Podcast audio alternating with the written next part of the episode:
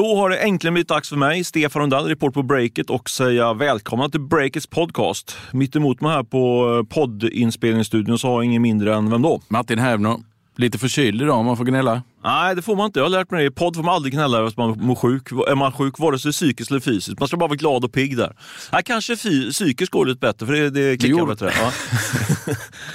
Nej, men det är inte alls synd om mig. Alla är ju förkylda. Ja, det är mycket, mycket sjukdomar nu. Men du, eh, vi ska snart prata mer, men jag börjar med det viktigaste. Och det är att berätta att vi har med oss eh, vår huvudsponsor Swedbank. Eh, Swedbank som vi gör en massa spännande saker med under hela 2023.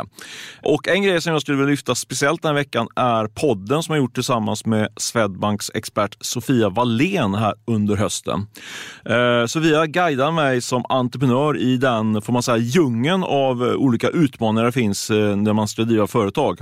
Den här poddserien är då i tre avsnitt eh, och vi lyfter ämnen som hur man ska få fart på tillväxten. Vem vill inte få göra det? Och eh, som jag nästan tyckte är ännu mer intressant, titta på kassaflödet och se hur man kan maximera det. Och sen slutligen hur, hur, man, hur man måste tänka på vid en eventuell exit. Jag personligen lärde mig extremt mycket av Sofia och har du till äventyrs inte lyssnat in den här podden så tycker jag verkligen du ska göra det. Och Det är väldigt enkelt. Den ligger i den här feeden som du lyssnar på, den här podden som du lyssnar på just nu. Och gör det, men lyssna först klart på oss. Det är mycket lyssna här nu, men eh, gör det i alla fall. Och eh, jag tackar därmed Swedbank för att ni är med och sponsrar vår podd. Och eh, vänder mig på nytt till Martin Hävner. Vi kör igång direkt. Va? Veckans möte är ju ja, en avdelning, sen ska vi ha veckans snackis och sen som vanligt avslutar vi med veckans köp och sälj. Så gör vi. Vi pratar ingenting om det som har hänt de sista minuterna. Jag hade en del att tänka, som jag tänkte på, men vi tar det senare. Jag tror det kommer komma naturligt i podden. Du har ditt möte. Ja, med, vem har du träffat? Jag har träffat Jimmy Stensson och Nils Henok. De är två energinördar som driver solenergibolaget GoSol. GoSol, är, är de inte från Göteborg? Nej, de är inte det. Men det passar rätt bra. Det, eh, ligger rätt bra i munnen på en skåning också. Men, eh, och det är faktiskt okej okay att jag kallar dem energinördar, eh, för de, eh, de brinner verkligen för sitt bolag. Eh, de har en passion för just det här energifrågor och då särskilt solpaneler. Hur man nu kan ha det, men de har det nu kan man säga, om man vill veta mer om deras affärsidé, om bolaget som de grundade och den förestående noteringen på Spotlight så kan man gå in och läsa på breakit.se. Vi ska ju koncentrera oss på själva mötet här. Mm. För det, det väckte en del frågor och tankar hos mig. Nu är det, jag sätter ut en liten varningstriangel för att det här blir journalistiskt eh, navelskåderi. Men eh, samtidigt kanske det kan intressera några lyssnare att komma lite bakom eh, det tror kulisserna. Jag. Alla lyssnare brukar, det brukar ju få responsen. Man vill ju hålla mycket bakom kulisserna, så kör! Nej men så här, jag, jag trivs på Breakit. Vad skönt! ja. eh, nej, men en anledning det är att jag träffar entreprenörer som inte är så mediatränade. Det, då blir det mycket mer levande. De svarar uppriktigt på alla frågor. Eh, det, det, kan också ge bra rubriker. Eh, tidigare i karriären då har jag intervjuat storbolags vd vd på börsen och det är lite som att slå huvudet i väggen flera gånger om. Man mm. kommer ingenstans med dem. De har sitt message track, de är jättetränade, de är svåra att få hål på så att säga. Men det finns en annan sida av det här myntet också, att träffa lite mediaotränade människor eh, som är trevligt. Men den sidan visade sig när jag åkte ut och träffade Gusiol ute i ett industriområde i Hägersten. En kombination av deras passion som jag berättar om, min nyfikenhet på dem och deras bolag och sen deras ovana att paketera in sin story. Det gjorde att vi satt där och pratade i nästan två timmar. Mm -hmm.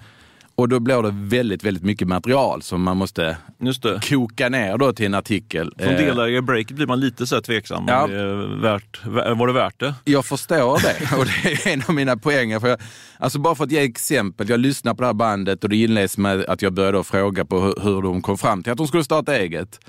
Och jag tror vi pratar nästan en halvtimme om det. Och sen i den slutliga versionen, det blir liksom två, tre stycken som man måste filtrera ner det till. Mm. Men det tar väldigt mycket tid. Eh, man ska välja vinkel, ton, längd, hur mycket ska jag få med? Vänta, vänta, det här är ju inte världens breakit-bolag heller. Liksom, så att man får ju ändå anpassa. Låt, låt nästan som att de skulle betala dig för att du var där. Liksom, för du gör ju någon form av uh, paketering åt dem som de kan använda framöver. Ja, precis. Men då hade det inte varit journalistik, då hade det varit något annat. Nej, men jag menar det. Men ja. är de smarta, och de är säkert smarta som entreprenörer, så utnyttjar de det här liksom, och får, får en tydligare pitch tack vare dig. Ja, men de, de kommer ju bli mer rutinerade att prata om det här och, och förstå vad som går hem och så vidare. Eh, så det kommer säkert vara. Men när jag satt där och jobbade så fick mm. jag egentligen den känslan herregud, så du Stefan som ägare borde sätta stopp för det här eller någon annan chef. För att det tog lite för, alltså, man kan känna den här stressen att det blir lite för många timmar i förhållande till hur viktigt det här, hur många läsare det här kommer men jag kan, jag, kan, jag kan relatera väldigt mycket till det här du säger, för jag, jag har ju jag har varit ännu större syndare. Jag har ju ägnat ju tre veckor till eh, en kartläggning här. Jag tror att det är lite hårdvinklat. Det såg bra ut i ingress och så, men eh, minst en vecka, en och en halv kanske, åt att kartlägga alla i Göteborgs, eh, på Göteborgs techscen. Och jag känner igen känslan där. Det är kanske inte riktigt men just att man går in i ett arbete och tycker det är så himla intressant och roligt liksom. Och så bara gräver man mer och mer och mer och så öppnar man mer och mer liksom, luckor och hittar mer och mer. Så det, ibland men, måste man unna sig det tycker jag. Ändå. Ja, men det, det, det tycker jag. Jag kommer faktiskt till det. Ja. Men man kan då, första fråga är ju en relevant fråga. Varför åkte du ut där överhuvudtaget? Om det nu inte är core break it. Men det var, det var, jag var lite nyfiken på solenergibranschen. Den har ganska dåligt rykte, eller tycker du inte det? Man hör om uh, stora förluster och... Ja, precis. Det stack iväg. För ett tag var det en glödhet tycker jag, när det, när det var den här energikrisen. Då. Men, uh, men precis, det... men det lockade nog till sig också en del aktörer som kanske inte var riktigt seriösa. Så det har kommit lite dåliga vibbar därifrån, kände mm. jag. Men så tyckte jag de här verkar väldigt genuina. Och dessutom var Günther Mård och Peter Lindell. Tunga investerare. Precis. Alltså Peter Lindell är ju, han brukar väl tituleras som en, en av grundarna till Unibet, men han var väl tidigt in där i alla ja, fall. Tidigt tillsammans med en av våra stora investerare, Staffan Persson. Han är ju en, en ja, men han är miljardär och en, utav, en riktigt duktig techinvesterare. Ja, men han går inte in i vad som helst heller. Verkligen inte. Så då börjar jag bli nyfiken. Han, han håller ju pengarna. Exakt. Och det, vad är det som gör det så speciellt ja. med det här bolaget? Och det var därför jag stack ut. Men här kommer min slutpoäng. Ja. Eh, alltså jag kom fram till efter jag hade tänkt och skrivit en en helt okej okay artikel i alla fall. Alltså, du som ägare bör inte sätta stopp för det här, eller chef. vi, måste, vi, vi kan inte bara häcka på redaktionen, skriva snabba kolhydratstexter alltså som kommer och går lika snabbt som, som eh, de produceras. Utan vi måste ut och röra oss, komma ut till industriområdet i Hägersten, dricka deras kaffe, ställa frågor ditt och om datten, om vädret och sen så börjar man prata om annat. Sen pratar de med någon annan människa och de kanske nämner någonting liknande, någon finansieringslösning som har dykt upp och så mm. vidare. Mm. Och då får man nya tankar kring nya knäck som ska göras. Så det är ju en investering i tid. Jag håller helt med dig. Håller helt med dig. Va, men en, en sak jag måste fråga, pseudofrågan. Var, var det Västberg eller Hägersten? Du. Alltså gamla, nära telefonplan och... Ja, ah, där borta. Okay. Så egentligen, det, det, det heter, är det det? Ja, jag bor inte långt därifrån, absolut. Ja. Hägerstensvägen var det. Tung så det var. Riktigt, ja, precis. Jag har faktiskt också häckat där någon gång i min början eh, på min Stockholms eh, bostadskarriär. Ja, jag fattar. Ja, nu, det var mina tankar efter det här mötet. Eh, jag vet inte om det här var något eh, försvarstal från, från en seniorreporter som befarar att AI-tekniken kommer ersätta mig. Men det, jag tror det är viktigt att vi är ute och rör oss, träffar de här kan inte bara titta på eh, vad som läses för stunden och så vidare. Det var egentligen det jag ville komma till. Och sen måste jag säga, det här var ingen kritik mot eh, de här entreprenörerna, för de bjöd sig väldigt mycket på sig själv och var väldigt trevliga att prata med. Bra, men du, jag, för att liksom kontrastera till det så har jag en väldigt eh, vad ska man säga, kapitaleffektiv spaning eller möte den här veckan. Jag träffade, eh, jag menar, du varit ute och tog eh, pendeln, jag säga, eh, tog ut, långt ut i, ut i de södra förorterna. Mm. Eh, jag gick eh, tre minuter från eh, kontoret och blev bjuden på lunch, inga kostnader, utav Sara Serey som är grundare av Wellybites. Eh, så jag skulle ändå äta. Jag pratade med henne och fick material så jag nu kan berätta om det i podden. Det är bra kostnadseffektivt. Eh, och jag fick också mutgodis på en sån sak. Jag fick godis av henne. Jag, är själv en riktig eh, gottegris och Sara berättade att det, hon ska fokusera mer på mig. Det är ju, alltså, hennes godis är ju sån här nyttigt godis. Typ. Var det därför hon ville träffa dig? För hon vet att du är Ja, det, Tillhör målgruppen, du är on brand. det är möjligt, men det känns lite ineffektivt för att gå och träffa varje, varje potentiellt ny kund. Ja, så, men, du är genomsnittet av det. Ja, jag står ju och pratar om det nu, så nu, blir det ju, nu får de ju verkligen Ja, payoff på sin Mm. investering. Nej, men eh, de har ju växt fort, eh, och, eh, men det som jag tyckte var intressant som hon sa, det var en liten, liten in, in, konjunkturindikator ändå. Hon, de har ju växt väldigt fort, typ, typ dubblat omsättningen några år på rak. Men, på rak men nu verkar det som att deras omsättning stoppar upp och de kommer ligga på ungefär eh, flat liksom i år, runt 30-35 miljoner lätt som att de skulle omsätta. Och orsaken till det är ju liksom att eh, är ju den här eh, inflationen som har tagit fart och folk eh, håller lite mer i, i pengarna. Liksom. För det här är, är ju lite premiumgodis, men då köper man lite billigare godis helt enkelt. Det märks till och med där. Alltså. Ja, men verkligen. Eh, däremot så är det väldigt bra lönsamhet i, i affären. Jag tänkte hon sa, jag tror de är tre eller fyra anställda och omsätter 30 miljoner. Det är rätt imponerande. låter rätt bra. Ja.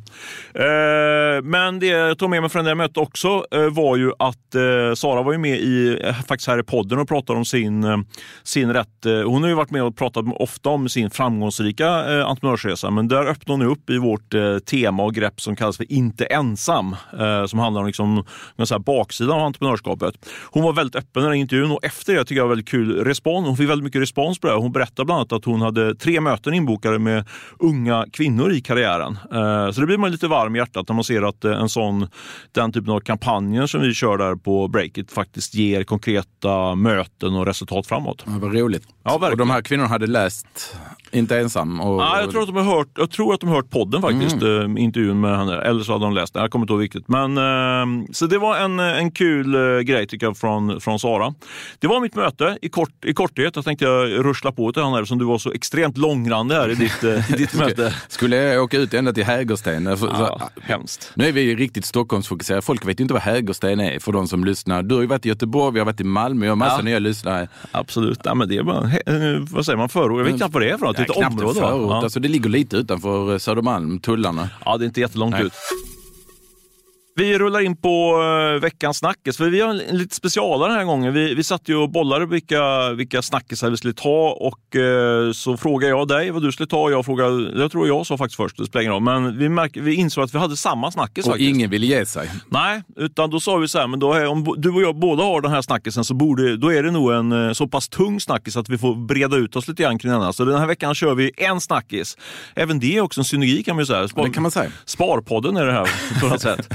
Nej, men alltså det som, vi, det, det som eh, vi tänker oss att vi ska lyfta och sen också tratta ner till. Vi, vi, man kan säga att vi börjar liksom lite grann i, i det breda makroperspektivet och går ner, Precis, går ner sen i mikro. Liksom. Eh, och, eh, och vi tänker såklart då på de här nya inflationssiffrorna som kom både från USA och i Sverige. Och de var ju väldigt positiva med tanke på att de, eh, eh, det var en nedåtgående trend. Och börsen rusade, har varit väldigt starkt nu, framförallt första dagen, men så har- ju allmänt så här, garanterat går det ner idag då, eftersom jag säger det nu. Men, eh, men eh, hur som helst, eh, det stora, liksom, den stora breda bilden är att Nya inflationssiffror eh, visar på en positiv trend. Eh, börsen rusar och alla undrar liksom så här, har det vänt nu? Är, är det här vändningen? Och ja, jag tänkte att jag ställer den frågan till Sveriges vassaste börsreporter. Och nu ska Martin. du få ett svar som man Ja. hatar för själv. Nej, vadå? vadå? Ja och nej. Nej. Nej, men du, lyssna nu här. Nu Ja. ska vi, nu, alltså ja, för jag tror, som det ser ut nu så kommer börsen fortsätta upp. Mm. Räntorna är på toppen för den här gången. Eller åtminstone väldigt nära den här toppen. Alltså 0% sannolikhet att Fed höjer vid nästa möte. Riksbanken får vi väl se, det står och väger väl. Mm. Eh, inflationen börjar också komma ner på de nivåerna som centralbankerna önskar och se. Hela det här, tror jag, skapar en eh, FOMO-känsla, fear of missing out, nu när det vänder. Alltså jag tror till och med att eh, det finns en prissättning som säger att Fed kommer börja sänka i maj. Eh, med stor sannolikhet kommer de börja sänka och det här börjar liksom, okej nu börjar vi komma tillbaka. Den, den här rörelsen tror jag är så stark så att nu kan vi ha sett liksom att börsen börjar röra sig ordentligt uppåt. Inte bara en, man brukar snacka, snacka om dead cat bounce, att den bara studsar. Eh, men det finns inget, liksom, inget substantiellt bakom. Men det, det, det kan det finnas den här gången. Äh, vänta nu, jag måste stoppa upp där, för det var ju ganska hårt du säger ändå. Du, så du tror på en fortsatt börsuppgång, kan man säga det? Ja, men det finns två stora men. Ja, okej. Ja, det Ja. finns alltid men. Nej, men det finns ju gott om saker som snabbt kan vända den här situationen. Eh, och det finns det väl visserligen alltid. Men det är ju inte alltid det är så här spänt i världsläget. Det måste man ta med sig. Hela USA, EU mot Kina, Ryssland, det är den stora bilden. Och sen så kokar det ner då dels i Ukraina, Ryssland, men nu också konflikten i Mellanöstern, Israel, Hamas. Vi har Iran och Saudi kan bli inblandade i det här. Eh, Iran är ärkefiende till USA och Israel. Saudi står på andra sidan, eller i alla fall ganska allierade med USA. Det skulle ju kunna bli en oljekris, energikris som skickar upp energipriserna, vilket får upp inflationssiffrorna. Det, det är inte bara att eh, drivmedelspriserna går upp, utan då kommer alla producenter få ännu högre kostnader och sätta igång den här inflationsbrasan igen. Det skulle men, man kunna. men du köper de här solgubbarna då i då? Ja men precis, det var därför jag, det var därför jag åkte ut. Ja, just det. Nej men så det skulle ju kunna bli energikris snabbare än ett eh, poddavsnitt av, eh, av Breakit. Men eh, sen det andra stora männet, är ju konjunkturen. Jag tror vi satt just, äh, inte just här, utan då hade vi en annan studio faktiskt och pratade om vargavinter. Kommer ihåg att du gillar att säga. Det var ett Mm. bra rubrikord. Och då var väl inte räntan hälften av vad den är nu. Alltså det kommer att bli tungt för konsumenten hela vintern, hela julhandeln. Vi har inget byggande. Arbetslösheten börjar ticka upp. Alltså det känns ju som att det här är ganska troligt att konjunkturen och börsen kommer att divergera. Börsen kommer gå upp, konjunkturen ner företag. För, och, och det är framförallt för att eh, du och jag säger det och alla andra vet om det så att säga. Så börsen har redan eh, prisat in Men börsen det, går eller? alltid först, både Ja. uppgång och nedgång. Hur många månader före är de brukar de vara? Ja, Jag vet inte, det brukar vara halvår, ett år till och Ja, med. precis. Och det ska man ändå inte underskatta att börsen går upp, för det är otroligt viktig kraft för att få fart på affärerna, för att folk ska våga göra affärer. Eh, börsfönstret öppnar upp igen. Det blir liksom eh, en referensvärdering, det blir ett parallellt spår. Jag behöver inte sälja, jag har börsen där. Men, men sen å andra sidan, om vi ska ta tre stora igen, om det går för snabbt, om börsen rusar och folk blir glada och börjar handla igen och det börjar göras affärer, då växer ju inflationsspöket också. Mm, I parat då eventuellt med, med någonting annat. Så det är ju hela tiden den här mjuklandningen som eh, vi får se om Men vad, lyckas med. vad är din take då? Blir det krasch eller mjuklandning? Vad, vad står, vilket läge Ja, men jag, jag eh, blir allt mer övertygad om att det blir mjuklandning. Det ser nästan ut som att vi klarar detta och det skulle ju vara med tanke på vilka kriser som vi har haft de senaste åren och vi lyckas det utan att det blir, okej det blir lågkonjunktur men det blir inte så blodigt, det flyter inte blod på gatorna så som det har gjort förr om åren. Mm. Så skulle det vara rätt fantastiskt ändå. Ja, men det låter ju som ljuv musik för mig om vi nu ska liksom tratta ner det här till, eh, om vi börjar på makroplanet nu och börsen och de, de stora dragen. Så den här podden fokar ju mycket på, på det operativa i, i tech och startup-världen så att säga. Och för, som en liten, liten, liten, liten eh, mediaentreprenör så tycker man ju, låter det väldigt bra om det blir mjuklandning. Det är, vi sitter och håller på med budget just nu, liksom, det är framförallt vår vd. Liksom, så här. Så det, eh, och då sitter man ju och funderar på, jag fick faktiskt frågan igår, okay, vad, hur, hur mycket ska vi räkna att annonsmarknaden går upp i år? Eller nästa år? Eh, Det kanske jag inte ska säga nu eftersom ingen, ingen vet om det, även, inte ens internt. Då, men då får man ju sitta och gissa det helt enkelt. Liksom, Ja, det är ju verkligen en gissning. Ja, precis. Men man, får ändå, man måste ändå, man måste ändå tro liksom, på det. Liksom, sådär. Så det men, eh, och då är det ju såklart, om det blir det här mjuklandningsscenariot, då är, det ju, då är det ju ganska safe på något sätt. Men blir det den här kraschen som man ändå måste ha beredskap för, så Mm. då blir det jobbigt. Men du, eh, jag, jag, jag, jag, reflektion då på det du snackar om nu, för jag, i och med att jag också ville prata om det här, min, min, ta- min take på lite grann på det här var ju det du var inne på i slutet, precis lite kort bara på spaningen, att eh, företagsaffärer börjar komma igång och att eh, till och med att eh, börsfönster kanske öppnas upp då. Eh, vi hade, var det, Rusta var det va, som gick på börsen för några- två veckor sedan någonting. Och det blir ingen riktig succé. Nej, det blir det ju inte. Det kan man inte påstå. Eh, men, eh, men jag tänker, liksom, eh, med basis på det här liksom, i bakut då, så, så hade, gjorde jag faktiskt två, eh, tycker jag själv, väldigt intressanta intervjuer i veckan. Jag pratade med två tungviktare inom framförallt kan man säga eh, det som vi kallar för SaaS-segmentet. Då, mj- mjukvarubolag eh, som säljer prenumerationstjänster då till företag kan man säga, för lite förenklat. Det ligger ofta i molnet. Eh, Paul Malmros eh, på Verdane, han är väl en av de eh, tyngsta eh, SaaS-investerarna i... Han har till och i- med fått pris ganska Ja, nyligen. precis. Han fick faktiskt pris av oss som årets bästa eh, SaaS-investerare. Han sitter på Verdane och har ett team eh, typ- på typ plus 20 pers eh, som gör investeringar i, i hela Nordeuropa liksom, i det här segmentet. Och eh, Lars Sveder på Monterro, eh, investmentbolaget som är minst lika eh, aktiv investerare som Verdane i det här segmentet. Eh, och jag snackar med båda dem kring, kring hur ser de liksom, för de, de sitter ju extremt nära marknaden eh, just kring, kring företagsaffärer. Och båda då sa faktiskt att de såg att det här som vi brukar kalla för M&A, Mergers and Acquisitions, Sjukt att jag lyckas uttala det rätt faktiskt. Det var otippat. Vad är det förresten? Ska vi säga? Ja, men marknaden för företagstransaktioner om man ska ha någon eh, bra svensk... Men det är mycket coolare att säga M&A så jag brukar säga M&A. Men du, fråga då, eh, ligger det inte i deras intresse att säga det då? Alltså, men jag har inte sagt vad de sagt än. Nej, nej men okej, okay. förlåt. du visste, du visste Håll den frågan. Ja, precis. Mm. Nej, men deras take på det här var ju liksom att, eh, att ma klimatet håller på att tina upp. Då. Inte bara, alltså, det, som är, det som man måste ha i bakhuvudet är att vi, vi pratar, det blir ganska förenklat i, när, man, när man pratar om ehm, eh, sånt här i media. Liksom, att det, det är nattsvart och då, det går bara att skriva nattsvart. Det går inte att skriva nattsvart och inom parentes, men på vissa områden är det rätt okej okay och sådär. För det är det som är, vi har ju, vi, jag tror vi nämnt här i podden att eh, till exempel investeringar i alltså AI-bolag har haft jättelätt att ta in kapital. Och ett annat segment där liksom inte alls den här dippen har kommit då, det är just i den här typen av eh, eh, lönsamma SaaS-bolag. Liksom. Där har faktiskt värderingarna eh, hållits uppe helt okej. Okay. Så den disclaimer så där har liksom inte ma marknaden stannat upp. Där har det gjorts affärer. Jag fick, igår, senast igår fick, vi, fick jag reda på en sån grej som vi ska skriva på fredag. Så det, det, det tuggar på. liksom. Men det som eh, både Paul eh, Malmros och Lars Weder då pekar på det var att även, de, de trodde liksom att eh, aktiviteten skulle öka ännu mer i den här ma marknaden och även då att det skulle liksom ticka neråt på, jag tror det var Paul som sa det, att eh, bolag som eh, kanske ligger, som har en bra tillväxt eh, men som fortfarande inte nått upp till break-even, även de kan börja bli liksom attraktiva för en försäljning och så har det inte varit tidigare. Liksom.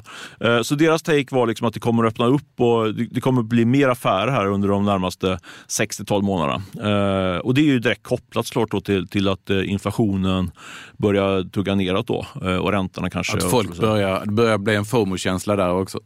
Ja, det, det, tror jag faktiskt är en bra uh, spaning för FOMO just för det finns väldigt, väldigt mycket pengar på sidlinjen mm. liksom, som, som vill in i marknaden. Mm. Uh, och de står ju bara och väntar. Liksom, när ska de göra de här investeringarna? Och då kanske det räcker att man vet det kommer inte bli värre. Alltså, det kanske inte kommer bli så fantastiskt mycket bättre heller, men det kommer inte gå åt andra hållet när man ser att Nej, men där, tror jag, där tror jag att det är samma som på börsen. Liksom, att, uh, du, om du prisar in att det kommer bli en mjuklandning innebär ju ändå att det blir en uh, nedgång. Liksom. Det, det, får man räkna, så det räknar de garanterat med. Uh, så det, så det, där, på det sättet går det ju hand i hand. Då. Uh, sen är det den här onoterade marknaden, den är ju lite mer, det är efter, mer eftersläpning från börsen. Börsen reagerar ju liksom på en sekund liksom, mm. medan den här ma marknaden onoterade, det, det, är ju ja, men det, det är trög, mer trögrörligt. Liksom. Men tillbaka till frågan jag hade. Mm. Ligger det inte i deras intresse att hela tiden säga att det är på gång eller är det är det, tänker jag helt fel där, att de, de har varit med så länge så de, de säger ärligt när du ringer att... Mm. Jag tror, hoppas lite grann det sistnämnda faktiskt. Det, det jag tror man ska vara ännu mer skeptisk det är när man ringer till de här rådgivarna som, som, som mäklar de här affärerna. För de, är, de är lite grann som de som säljer bostadsrätts... Ja, men liksom, där, där, är det alltid liksom att det, Jag har aldrig pratat med, med en investmentbanker som inte sagt att han har fullt upp att göra. Liksom. Det är alltid mycket, mycket att göra. Liksom, sådär. Eh, men sen, det är klart att eh, då får man nästan mer titta på uh, Verdane Bain och eh, Monteros portföljer. Liksom, har de mycket bo bolag som, som de behöver trycka ut. Liksom, så att säga. Eh, och min bild är väl att, eh, eller jag vet ju att båda de har ju tagit in mycket kapital. Eh, har, de står ju liksom inte och, eh, de är inte stressade så. Liksom, sådär. Plus att det är två riktigt duktiga personer. Så, så nej, men jag skulle nog väl hävda att, att man kan ta då, deras, deras spaningar med, på allvar. Liksom. Men sen får man väl lägga in liksom, 10 procent. Liksom, mm. att, att de ändå pratar lite grann i egen bok. Så. Men du, du ja. det har kommit ganska långt i den här processen? För jag vet att vi ska börja prata lite om, det gäller inte bara de allra finaste bolagen utan det börjar se aktivitet också bland bolag som, vi ska inte kalla krisdrabbade, men som har det tufft. Ja, men precis. Innan vi går in på det vill jag bara, vill jag bara lyfta liksom två exempel på, liksom, som jag tycker ska bli spännande. För Du, du avslöjade här för någon, två veckor sedan typ, att eh, uh, Madlar Finance, som vi brukar kalla för år, eller inte året, utan Sveriges lönsammaste SAS-bolag. De säljer ju eh, uh, IR-information och uh, ägarstatistik kan man säga. Ganska grottigt, men uh, du och jag är ju väldigt, uh, älskar ju den tjänsten, Holding som den heter. men de, de, de, är på väg ut till, ut försäljning som du avslöjade. Och sen så var det faktiskt jag som avslöjade att Hypergene, ett annat SAS-bolag, är också på väg ut utförsäljning. Båda de bolagen är väl i kategorin liksom, eh, eh bra, bra tillväxt och hög lönsamhet. Hypergym, det är SaaS-bolag, det är baserat i Malmö. Ja, och, och jobbar något... med så projektplanering och sånt. Okay. Tror jag. Kanske mycket för offentliga, eh, offentlig sektor och så. Eh, men, Hur stort? Har du... ja, men jag, när jag spekulerar, eller, eller, det är en, en hygglig uppskattning är nog faktiskt att de kommer gå för ungefär en miljard tror jag, eh, det bolaget. Och sen så Mother Finance tycker jag är lite intressant för det, där är det ju, de har ju den här, du kan ju det här minst lika bra som mig, men, men de har ju den här satsningen på Storbritannien som de ska göra. Och det, när jag pratar med folk som tittar på det här bolaget och som, som funderar på om de ska, ska köpa eller inte, så är ju det den stora, stora det är nyckelfrågan. Liksom. Tror man på den här brittiska expansionen. I Sverige har de ju gått jättebra. Men... Och i Norden har de starkt fäste. Ja, precis. Det är lite grann som Fortnox, liksom. jättestarka i Sverige då, och sen Mother Finance i i Norden. Då. Men, men kan man då ta det här ut i Europa, tror man på det, då, då kan man nog sätta en värdering, en, en eh, prislapp på typ 2-3 miljarder på Mother Finance. Men om man inte tror på det så, så får man dra ner det. Nej, men bara tänker på Storbritannien och deras finansmarknad, hur många bankers det finns där inne i city och som jobbar med M&A merger, alltså acquisitions. Så då, då förstår man ju potentialen, men det, det är ingenting man bara gör i en handvändning heller. Nej, och det finns ju redan konkurrenter på den där marknaden. Tror jag. Peter Heborg, grundaren, tjatade med när jag pratade med honom för några veckor sedan. Så det, nej, men det blir intressant att följa, om vi liksom lyfter blicken, vad, vad kommer man få för, för prislappar på det där? Och det kommer ju vara hemligt, men inte på breaket. Det kommer vi gräva fram och då blir, det, då blir det en bra indikator på hela marknaden. Men som du, som du frågar mig om, eh, det finns ju också då det här segmentet med, eller man kan säga, det är egentligen tre segment. Dels det, där, det, där liksom fönstret hela tiden varit öppet, det har varit de här snabbväxande och lönsamma bolagen. De har alltid gått att sälja. Och nu då pekar ju då eh, Sveder och eh, Malmros där på att eh, även bolag som, eh, som eh, kanske bara är, typ är på break-even men har bra tillväxt, där finns det också intresse. då. Men sen har vi den tredje, tredje kategorin då av, kan man väl ändå kalla liksom någon form av problembolag. Eh, och där tror jag ju att eh, aktiviteten kommer bli ännu högre. Där har det ju fun, liksom, det varit lite så så här fire sales, liksom, panikförsäljningar där. Men det, nu blir ju det, kommer det bli fler, mer och mer. För det vi har sett då, det är ju att eh, man har gjort eh, så kallade bryggrunder. Man har liksom gett dem eh, skedmatat dem. Liksom, Precis, sånmatat i hopp om att tiderna skulle bli lite bättre. Precis. Och så har det kommit till vägs ände. Man måste ta ett större grepp Lite mer struktur, ja. slå ihop med någon annan eller sälja inkråmet eller vad? Precis, Nej, men det är det man ser och jag tror att man kommer se mycket av de här liksom, eh, konsolideringsaffären då. Och det var ju någonting som faktiskt, eh, också du då, även du, och mycket avslöjande bakom det nu den här senaste veckan, att eh, Mathem och eh, Oda heter de va? Det norska bolaget va? Precis, de är ju ganska lika varandra fast ja. de är på varsin marknad. Vad är på gång där då? Berätta. Att de ska slås ihop och eh, antagligen då så kommer de använda tekniken från ett av bolagen och på så sätt vinna ganska mycket synergi. Och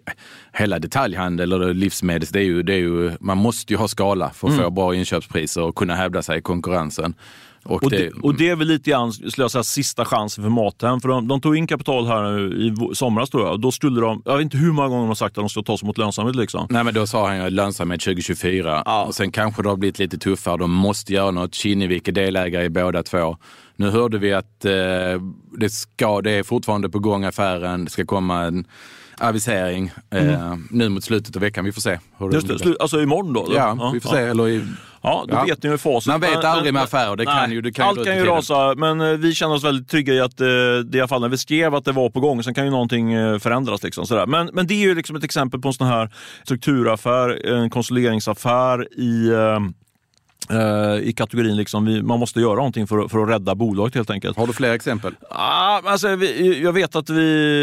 Uh, jag har inte hunnit göra det helt enkelt. Jag har, jag har suttit och funderat på fram och tillbaka. Ett, ett bolag som vi snackat om ganska mycket här i podden, i alla fall jag pratar ju oproportionerligt mycket om det, det är ju Naked. Mm. Uh, de, har, de vet jag ju har en en finansiellt pressad situation. Och där, jag snackade faktiskt med din kompis där, Stefan Palm, på, som, eh, som driver ett väldigt framgångsrikt bolag som heter Lager 157. Mm. Han gick in i Nelly, han äger typ 15 procent eller någonting sådär.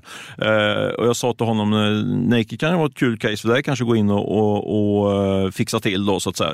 Kanske ihop med Nelly då, jag vet inte.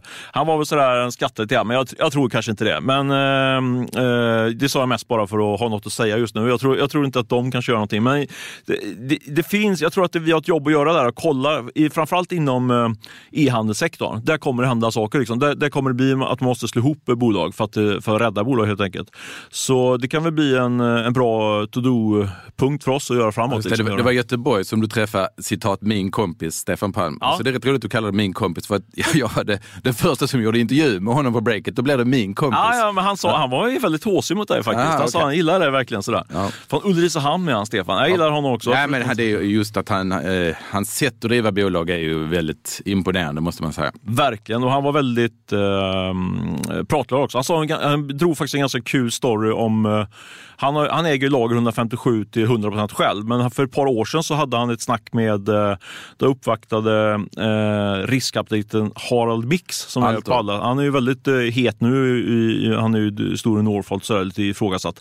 Eh, men då träffade han, eh, träffade han, han och Andreas Källström också som jobbar med e-handelsinvesterare på Altor. Men det var ganska kul, jag tyckte det var en ganska bra story, för, eh, för han menar, Stefan Palms poäng är liksom att det är mycket eh, buzzwords och snack och corporate bullshit. Liksom. Han sa liksom, när vi, när vi satt där och de skulle titta på bolaget så frågade då eh, Harald Mix, då, som verkligen inte är någon bullshitter, eh, okej, okay, vad, vad är det som gör ditt bolag så unikt? Och då sa Stefan Palm att eh, ja, vi har eh, högre intäkter än kostnader. Det är liksom unikt. Och det, det sköna var också, det var ett skönt svar tycker jag. Sen var det också en skön reaktion från Harald Mix. Jag, jag har ju träffat honom. Han är också, han är väldigt, oavsett vad man tycker om honom som investerare, så han är väldigt down to earth och, och enkel liksom så.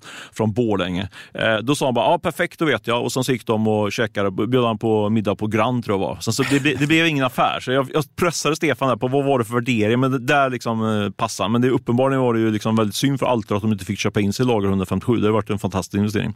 Eh, ja, det var en liten ja, utvikning. Ja, men det är skönt. Eh, Stefan Palm är ju utan corporate bullshit. Ja, verkligen måste man säga. Ja. Ehm, men du, något annat från Göteborg som du vill ta med dig? Ja, men det, är väl, det snackas ganska mycket om uh, Go North som du har skrivit om Martin. Uh, det här, den här uh, serieförvärven av um, små, små Amazon-försäljningsbolag uh, kan man säga, mm. e-handlare på Amazon. Uh, där är det ju skakigt, det bör man nog hålla ögonen på. Och men annars tycker jag det var ganska så, det var positiva tongångar. Vi hade ju också uh, Heart Aerospace, vd på, på scenen och uh, han ville inte kommentera det när jag pressade, på, pressade honom utanför när han kom ner från scenen där. Men, uh, men jag har hört från uh, hyggligt säkra källor att de är på väg att ta in 665 miljoner kronor i kap, nytt kapital. Det är väl en positiv datapunkt att ett, liksom ett, ett väldigt så här loss-making hårdvarubolag lyckas få in så pass mycket kapital i det här, i det här klimatet då, uh, apropå det vi pratade tidigare. Och jag hörde också om tre, fyra andra bolag som var på väg att få in sådär mellan 30 och 50 miljoner kronor. Vilka bolag var det då? Uh, jag kommer inte ihåg vad de heter nu riktigt och några år kan jag inte säga heller. Jag gräver vidare på det. Mm. Och Sista datapunkten är att jag tycker att uh, när jag gjorde en sån här kartläggning då utav uh, var det 88 tror jag, uh, utav de hetaste uh, investerarna och entreprenörerna i Göteborgsområdet som ni absolut måste in och läsa. Det har varit oerhört hög läsning på. Men det, det jag noterade därifrån det är att det blir mer och mer eh, entreprenörer som har liksom cashat in och nu ska investera själva. Eh, det tyckte jag var liksom en, och det kan vara liksom stort och smått. Det kan vara, eh, eh de har kanske cashat in 50 eh, miljoner, det är pengar det med som vi brukar säga, men, liksom att eh, man är sugna på att göra liksom ängelinvesteringar. Men också så, killar och tjejer som har liksom mm. cashat in hundratals miljoner. Så jag tror att det kommer, det kommer röra på sig mer och mer där i Göteborgsområdet, vilket är kul. Hur lång tid tog det för dig att göra den där granskningen? Sammanställning? Ja, men det var ju det jag sa. Enligt ingressen tre veckor, enligt den uh, rätta versionen skulle jag ändå säga en och en halv vecka. Så det, är dubbelt så mycket i ingressen. Än... Ja, det är sjukt. Ja, det, det, det Snackar vi hårdvinklat. Dålig trovärdighet. Men det kändes så. Jag har haft det mentalt i huvudet i alla fall under tre veckor. Så kan man säga. Du, vi måste rulla in i vårt eh, sista segment, veckans köp och sälj. Jag kan faktiskt dra iväg sälj om du vill, om du, om du orkar lyssna på mig. Ja, ja, ja. Verkligen. Apropå Naked då. Eh, jag ska kolla min telefon här, för jag gav en sista chans. Nej, jag har inte fått något svar än. För jag har faktiskt sökt, eh, jagat eh, Mattias Jakobsson som är en ny VD på Naked, som jag i har hört väldigt mycket gott om. Han är, verkar vara väldigt duktig. Han var ju på Jollerom tidigare och han verkar ju nu ha fått fart på, eller eh, få, han är någon form av turnaround i Naked. Men eh, jag har faktiskt sökt Mattias eh, sedan i måndags och skickat med sms nu senast i morse nu att nu måste du höra av dig, annars kommer jag skriva om en sak som jag inte kan säga här i podden. Men eh, nu har, nu har jag också en efterlysning till Mattias. Ring mig Mattias om du vill det är din version av vad som händer i Naked just nu. Annars så får jag liksom gå på, på de eh, uppgifter jag har. Så är det ibland. Tycker att det är seriöst av mig. Jag, jag har sökt honom i, en vecka. Han har inte hört av sig. Kan man då bränna av artikeln? Ja, men du måste ju bedöma dina uppgifters trovärdighet oberoende av vad han säger. Och ja. är de tillräckligt trovärdiga så får du väl eh, ut med dem om, om du gör den bedömningen. Precis. Men det roliga är ju att, eller det, det roliga, det sorgliga är ju att eh, Naked har alltid varit så. Även föregångaren till Mattias var jättesvår att få tag på. Och, mm.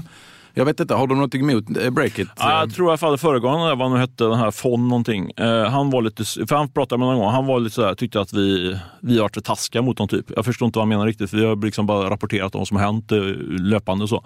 Och Jarno, eh, grundaren, han är ju, jag gillar verkligen Jarno, men han, eh, men han hugger ju till ju så fort man säger något negativt liksom. Så det, ja, men, eh, det tycker jag det är kul bara med Jarno, men, liksom, men absolut, det, det kanske är att han har satt den kulturen i bolaget. Jag vet inte, precis med Spotify, att de hatar journalister. Mm. Inte riktigt så, men lite så. Eh, det var min eh, sälj. Vi får se om Mattias hör av sig. Har vi kör vidare med min sälj och ja? faktiskt nästan på samma spår. Det här kan ju bli journalistiskt gnäll. Eh, jag ska prata om köparen av kapitalanskaffningsplattformen eller crowdsourcing plattformen Pepins. Ja. Eh, under höstlovet kom nyheten, jag tror det var därför nästan alla missade den, att ett bolag som heter Aktiegirot köpte har köpt den här verksamheten, Pepe, som skulle läggas ner enligt tidigare besked. Det har varit många turer under hösten. Ja. Men till slut då, så, eller till slut, sista ordet är inte sagt, men under höstlovet så kom då att det här aktiegirot AB skulle köpa. Från Mölnlycke, från apropå Göteborgskopplingen. Ja. ja, och vi missade och många andra missade också. Och eh, vi tänkte göra en liten räddning och journalistiskt så gör man det genom att man ringer och tar några nya citat då från, från, från huvudpersonerna. Och jag fick inte tag på honom. Ivan Pavic heter han, vd för Aktiegirot. Så jag skickade ett mejl. Hej, vi missade det här. Kan vi inte bara prata lite kort så att jag får liksom, kan uppmärksamma våra läsare att eh, det här har hänt. Så mm. de inte går och tror att det ska läggas ner. Men då fick jag svaret att jag är upptagen hela den här veckan. Vi har inte haft möte med Peppin, så du kanske vill prata i nästa vecka eller nästa vecka där istället. Ja, det var... Alltså om du ska driva en crowdsourcing-plattform, Breakit ringer upp och bara vill prata lite grann. Alltså vår läsargrupp är ju till 100 procent deras målgrupp.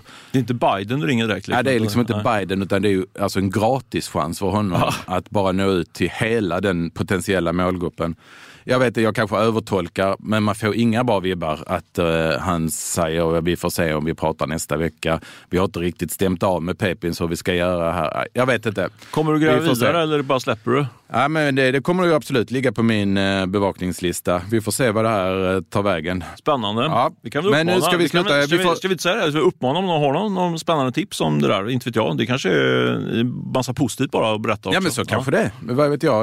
Vi ska säga att aktiegirot ägs av en firma som heter Norberg Partners också. Nyberg Partners? Norberg Partners. Aha, eh, så ja, folk får gärna höra av sig. Men du, vi måste, nu måste vi eh, ja. få upp stämningen här och något positivt. Ja, så du får din veckans köp. Ja, men absolut. Jag har faktiskt fått... Eh, du vet ju att min, eh, min privata aktieportfölj är, ligger liksom eh, väldigt dåligt. Ner 5 tror jag den sista kollade.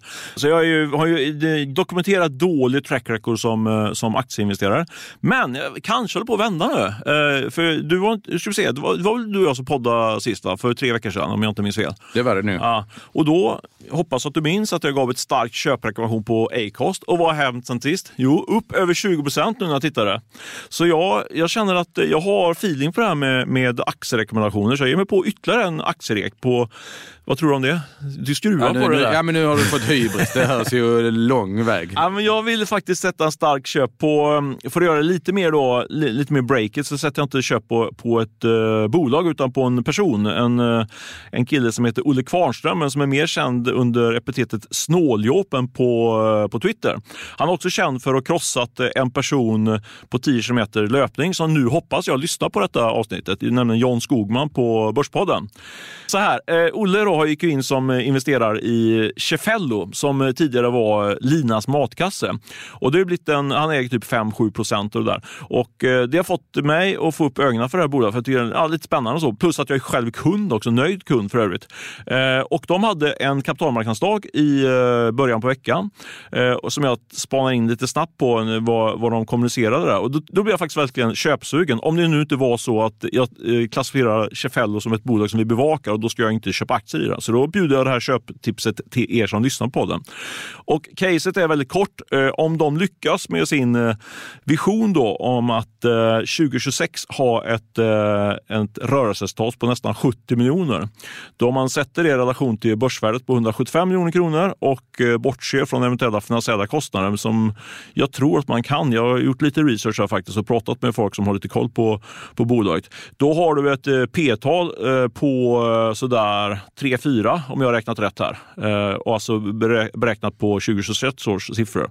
Visst, det är en bit fram till dess och sådär, men jag, nej, jag skulle, hade, jag, hade jag kunnat skulle jag faktiskt köpt aktier i det här bolaget nu. Men det ska ju hända också. Alltså, de har ju satt upp målet, eh, Så är det. vägen dit. Men, men, jag, men jag känner att han, Olle han är en sån riktig små, småföretagar-feeling på. Håller, håller i kostnaderna och ordning och reda på grejerna, går in och styr upp det här bolaget. Och eh, framförallt då är jag väldigt nöjd kund, måste jag säga. Så jag det, vet det, du har sagt det flera gånger. Jag sa till med till min fru igår, liksom, ah, vi har en annan matkasse. Så men det ska man inte Stefan säger att man ska byta till jag, den. Men jag, jag, jag bytte bort eh, Hello Fresh nu. Sådär. Så det, jag, tror, jag tror ganska mycket på det. Eh, så det är mitt köp. Köp Cefello. Där eh, så får ni, kommer ni, eh, får vi se hur det går. Jag ska inte säga något mer. Bra. Veckans ja. köp från mig. Vad är det då? Break it.